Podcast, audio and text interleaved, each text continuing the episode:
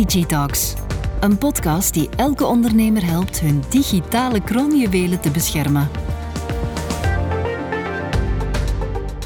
Hallo, welkom bij deze Digitalk podcast. Mijn naam is Patrick de Zager, ik mag uw host zijn. In deze eerste reeks van Digitalks gaan we een reeks cybersecurity items aansnijden. En voor de eerste aflevering vonden we het zinnig om dieper in te gaan op paswoorden. Dat gebruiken we allemaal dagelijks. We durven ze al wel eens te vergeten. We hebben eigenlijk geen idee waar die paswoorden vandaan komen. Misschien weet u ook niet welke aanvullende authenticatiemethodes u het best gebruikt. Wij gaan er vandaag dieper op in. Daarom in deze eerste aflevering als expert bij mij, Christophe Vermalen. Dag Christophe. Dag Patrick. Christophe, jij bent als ICT Service Delivery expert bij Proximus al meer dan 12 jaar bezig met cybersecurity. Wat moet ik me daarbij voorstellen, man? Uh, klopt.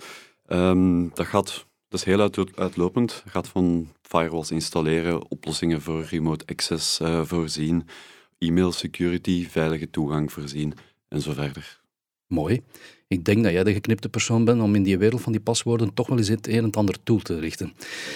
We zijn het eigenlijk allemaal dagdagelijks gewoon om paswoorden te gebruiken. We zijn ook gewoon om ze te vergeten. Van waar is dat gebruik van paswoorden eigenlijk gekomen? Waar is dat ontstaan?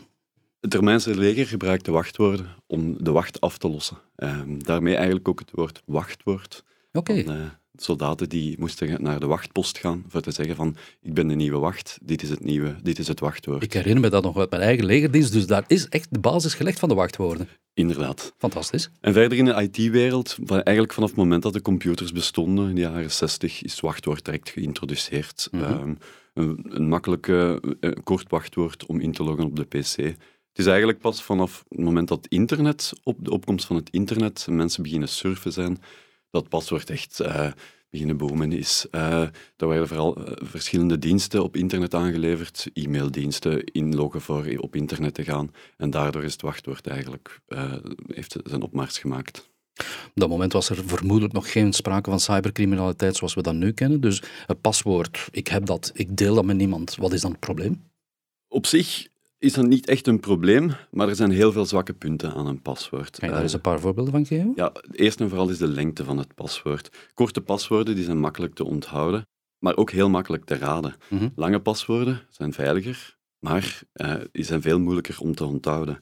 Vaak worden ook heel voorspelbare paswoorden gebruikt. We zien dat ook in het dagdagelijkse leven. Ik weet niet dat, je, dat u Um, een paar jaar geleden met de campagne van Trump had een Nederlandse hacker de Twitter-account van, uh, van Trump gehackt door het gewoon het paswoord te raden. Het paswoord bleek eigenlijk uh, MAGA 2020 uitroepingsteken te zijn. Na vijf pogingen had hij het geraden. Ja, ja. Dat is wel een zwakte van een paswoord. Het tweede punt is eigenlijk het aantal paswoorden uh, dat je hebt. Mm -hmm. Heel veel mensen gebruiken hetzelfde paswoord op alle sites dat ze, dat ze kennen. Um, natuurlijk, dat is niet goed. Eerder dat één website gekraakt is, of dat ze het paswoord hebben van één website, kunnen ze inloggen op elke website. Ja, maar het, is niet, wel, Patrick, het, is, het is wel gemakkelijk. Ik weet niet, Patrick, hoeveel paswoorden jij ik voelde, ik voelde de vraag komen. Ik, ik, ja, ja, you got me. Toch wel een drie of vier websites waar ik hetzelfde paswoord gebruik. Ik pleit schuldig, man. Ik denk niet dat jij de enige bent, Patrick. Ik was vroeger ook wel zo. Ja, dat stelt me ergens toch gerust. Een ander punt is de complexiteit van de paswoorden. Hoe complexer de paswoorden zijn, hoe, hoe, minder makkelijk ze te onthouden zijn. En dan gaan mensen eigenlijk grijpen naar, naar verschillende tools om die paswoorden toch te gaan onthouden. Ze gaan een post-it op een, uh, op een scherm plakken, ze gaan een boekje me hebben met paswoorden, of ze gaan een Excel-file uh, aanleggen met al, alle mogelijke paswoorden voor elke website. Um, Stel dat een, een, hacker toch bijvoorbeeld op je pc toegang kan krijgen of uh, iemand breekt bij je binnen. Ja, als ze, het moment dat ze die Excel-file hebben of dat ze je boekje hebben, ja, dan hebben ja, ze al je ze paswoorden. alles. Ja, dan ja. hebben ze inderdaad altijd alles. En ook, het brengt extra werk mee voor de IT-afdeling. Een lang wachtwoord uh, dat om de twee maanden bijvoorbeeld moet vervangen worden. Mensen vergeten dat. Je gaat eens op vakantie, je komt terug. Ah, wat is mijn paswoord? Ik weet het niet meer. Ja, um, bellen dan naar de helpdesk. Die moeten dan uh, ook weer je paswoord resetten. Uh, waarschijnlijk ja. iedereen heeft dit al wel meegemaakt. Ja, maar je ziet me constant glimlachen. Man, ik, ik, ja, ik pleit weer schuldig, ik herken het allemaal. Hè, maar wat, wat, doe je dan met het feit dat een, een, complex paswoord... één, het is verdomd moeilijk om te onthouden. En, en ja, ik moet, iets, ik moet er iets aan doen om, om per login een, een complex paswoord te gebruiken. Dat is toch te veel van het goede, om het correct te zeggen. Klopt. Um, daarvoor bestaan ook paswoordmanagers. Ik weet niet dat, dat je daar al van gehoord hebt. Vertel dat is eigenlijk een, uh, een veilige databank waar dat, uh, al je paswoorden in zitten. En je hebt eigenlijk één hoofdpaswoord nodig, alleen om die databank te openen. Als je daar dan een heel veilig lang paswoord voor kiest, kan je zo op een veilige manier aan al je andere paswoorden. Die, die databank of die, dat programma zorgt er eigenlijk ook voor. Dat geeft je een suggestie van een paswoord voor als je een nieuwe website ergens moet op inloggen. Dat geeft je een suggestie voor een veilig wachtwoord. Dus je gaat zelf eigenlijk een, een random paswoord maken voor u dat zeer veilig is, dat je dan kan gebruiken. Worden daar dan ook suggesties gedaan rond de structuur van die paswoorden? Of mag dat uh, mijn naam, familienaam en dat soort combinaties zijn? Uh, liefst niet. Uh, als je toch ergens iets, een lijn in je paswoorden wil trekken, dan wordt er aangeraden om bijvoorbeeld een zin te nemen. je hebt ergens een zin in je hoofd mm -hmm. en je pakt daar elke eerste letter van of elke tweede letter. En zo kan je wel je paswoord onthouden, maar is het, geen, is het niet iets dat, iets dat herkenbaar is. Dat herkenbaar is. Ja, ja. Dat natuurlijk, als ergens een, een hacker uh, paswoorden wilt gaan, um, gaan raden, ja, dan gaan ze beginnen met wat is je naam, wat is je voornaam, hoe noem je je kinderen, de geboortedatum van, van uw kinderen, uw vrouw, uh, en zo verder. We hadden het daarnet over het feit van een deugdoende vakantie, ik ben mijn paswoord vergeten, ik moet een IT-dienst opbellen enzovoort. Hoe moeten IT-afdelingen dan eigenlijk omgaan met paswoorden? Hoe zouden ze er theoretisch het best moeten mee omgaan? Ja, het is niet alleen IT-diensten, het zijn ook allemaal ja, alle beheerders van websites waar je op inlogt. En in, eigenlijk mag je wachtwoord mag nergens uh, in een databank zitten zonder dat het direct kan gelezen worden. Mm -hmm. Dus het mag nergens in clear text, zoals wij zeggen, instaan. Op het moment dat ergens dan een, een hacker toegang daartoe heeft, heeft hij direct alle paswoorden. Oké, okay, en dan moeten we het over iets anders hebben, denk ik. Ja, dan moeten we het over hashing hebben. Uh, dat... Hashen, zeg je? Wat is dat? Ja, hashing is eigenlijk een wiskundig algoritme, een wiskundige berekening toepassen op een bestand of op een wachtwoord. Die wiskundige berekening gaat het een uitkomst geven. Het is altijd 128 bit, altijd dezelfde lengte. Um, en is, dat werkt enkel in één richting. -hmm. Bijvoorbeeld als je een hash pakt van een wachtwoord, wachtwoord is appel, gaat dat altijd de hash peer geven. Met die, belangrijk, je ja, kan met... nooit teruggaan van peer naar appel. Okay. Als iemand zegt van dit is de hash peer, kan er nooit ontcijferd worden dat dit het wachtwoord appel was.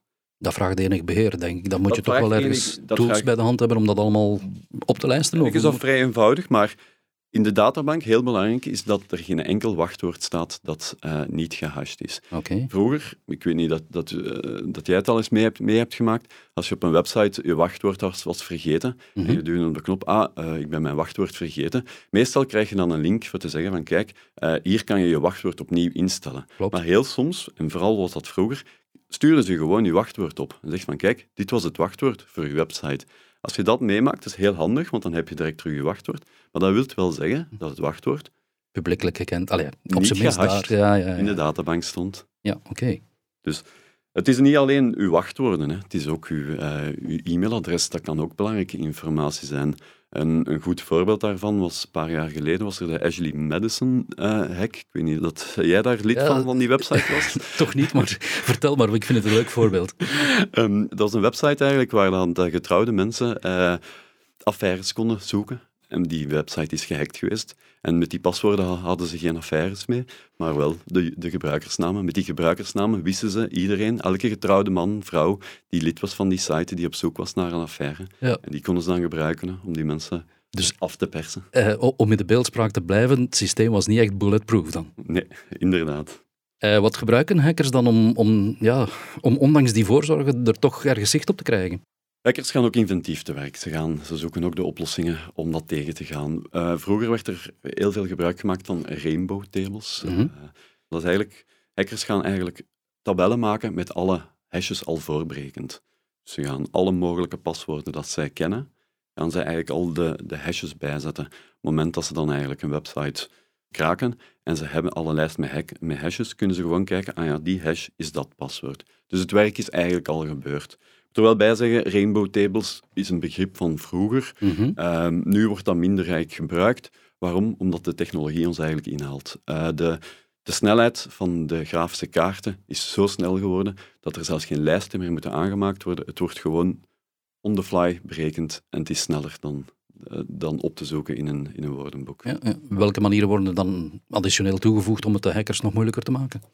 Hashing alleen is inderdaad niet genoeg. Daarvoor mhm. wordt er salting gebruikt. Salting, Nederlands, het Engelse woord voor uh, bijzouten. bijzouten. Ja. Het is effectief letterlijk bijzouten. Dus de, het, het, wachtwoord wordt genomen en er wordt wat zout bij gedaan. Dus er worden wat extra karakters bij gedaan. Als we terug het voorbeeld nemen van bijvoorbeeld uh, die appel dat we daarnet hadden. Mm stel dat we die appel, het wachtwoord appel pakken, maar we doen daar een beetje salting bij en we doen daar een paar karakters bij, dan wordt die appel uh, wordt dan, de hash wordt niet meer uh, peer, maar wordt banaan. Ja. Uh, als de hacker dan opzoekt in zijn tabel van wat is banaan, dan komt hij niet bij het juiste wachtwoord uit. Oké, Christophe, maar als er dan al zoveel lagen extra beveiliging voorzien zijn, waarom moet ik dan als gebruiker nog altijd complexe wachtwoorden blijven gebruiken? Dat lijkt me zo, ja... Complexe paswoorden blijven natuurlijk altijd nodig. Een hacker kan ook bijvoorbeeld proberen gewoon brute force uh, uw paswoord te raden. Brute force wil zeggen gewoon alle mogelijke combinaties te proberen. Maar er zijn ook nog andere workarounds dat hackers doen. En stel dat ze toegang hebben tot de databank, maar ze weten niet welke salting er gebruikt wordt. Mhm. Ehm, wat ze soms ook gewoon doen, is op die website, als ze een website hebben gekraakt waar ze toegang toe hebben, maken ze ook, kunnen ze ook gewoon ehm, allemaal accounts op aanmaken met paswoorden dat zij kennen. Dus ze, maken, ze hebben hun tabel met, gekende wachtwoorden. Voor elk van die wachtwoorden maken ze een account aan. Mhm. In die databank kunnen ze dan zien van, ah, dit wachtwoord is deze hash.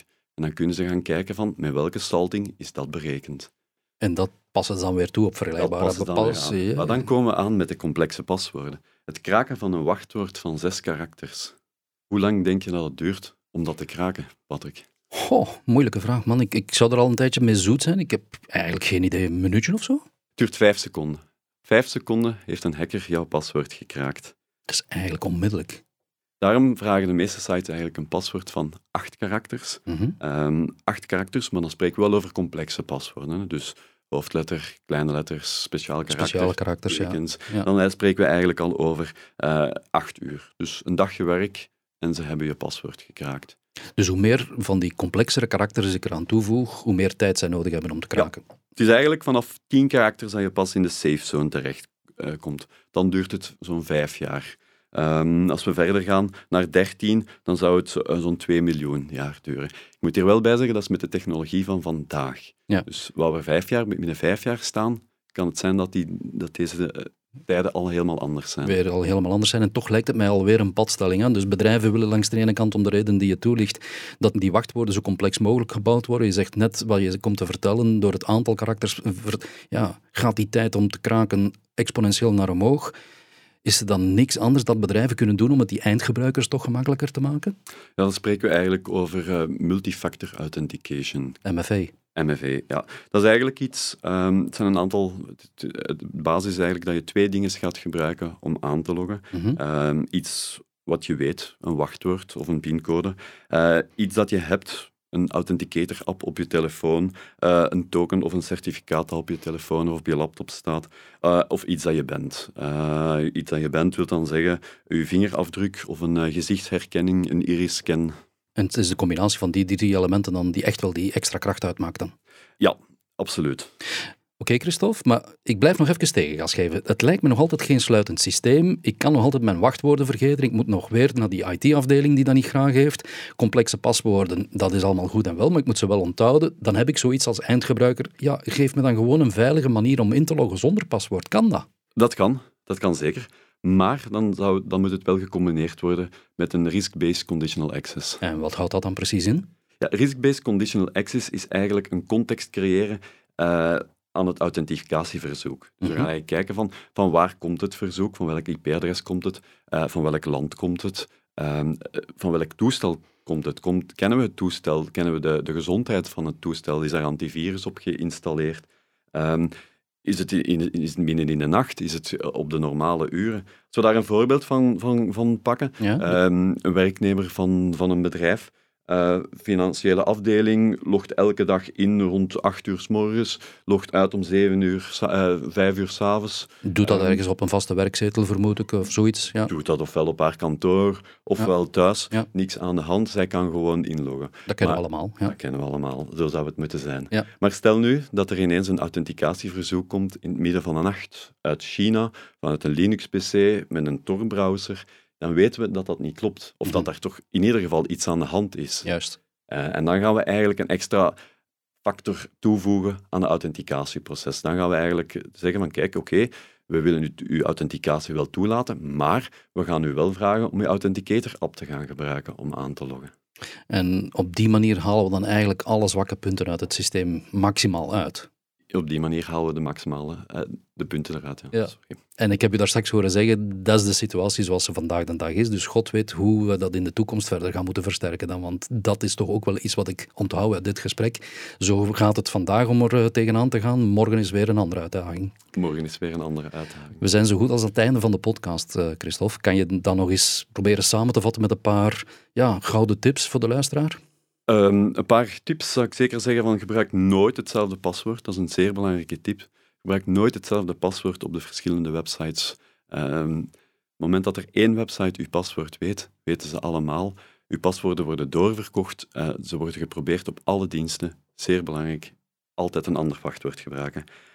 Als een website of een, uh, een internetdienst u aanbiedt om multifactor authentication te gebruiken, doe het dan doe, ook. Ja, ja. Ja. Dat is een wereld van verschil. Als ze mhm. je paswoord hebben, zijn ze niets met je paswoord zonder die multifactor authentication.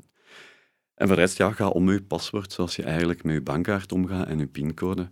Deel die niet. Als je ergens een, een, een link krijgt die verdacht is voor je paswoord op in te vullen, doe dat niet. Denk twee keer na. Dankjewel, Christophe. Voor mij is het nu in ieder geval een heel stuk duidelijker geworden. En ik ben blij dat we dit onderwerp gekozen hebben voor deze eerste podcast. Het was bij momenten, ik moet eerlijk zijn, confronterend, maar tegelijkertijd leerrijk en vooral verhelderend. Ik wil u toch bedanken. Eén, dat je dit allemaal hebt toegelicht. Twee, uw tijd die je ervoor uittrekt. Uh, ondanks alle werk dat gegarandeerd weer wacht. Want het lijkt mij ook wel een materie waar je dag in dag uit mee bezig blijft. Hè? Het is iets dat uh, al lang bestaat en niet gaat weggaan. Uh, niet gaat weggaan. Werk verzekerd. Absoluut. Bedankt in ieder geval. Goed, en u ook bedankt voor het luisteren naar deze eerste aflevering van de reeks Digitalks rond security. Uw reacties en vragen die zijn heel welkom via proximus.be/security. Laat het ook na deze podcast al meteen duidelijk zijn: onze specialisten staan u graag te woord en zullen u graag helpen bij uw vragen die u heeft proximus.be slash security. Dat is ook waar u de rest van deze reeks zal terugvinden. In gesprekken met andere experts, eh, naast Christophe vandaag, die het over paswoorden had, gaan we het verder in die reeks hebben, bijvoorbeeld over DDoS-aanvallen, bijvoorbeeld over de security-uitdaging die hybride werkplekken meebrengen, bijvoorbeeld over het beveiligen van de steeds groter wordende netwerken. Of we duiden ook waarom op vlak van cybersecurity preventie alleen helemaal niet volstaat. Reden genoeg om die hele reeks podcast zeker eens heel te beluisteren. Op proximus.be security, dat heeft u zeker al begrepen. Heel graag tot in een van die volgende podcasts en hou het intussen veilig. Digitalks, powered by Proximus.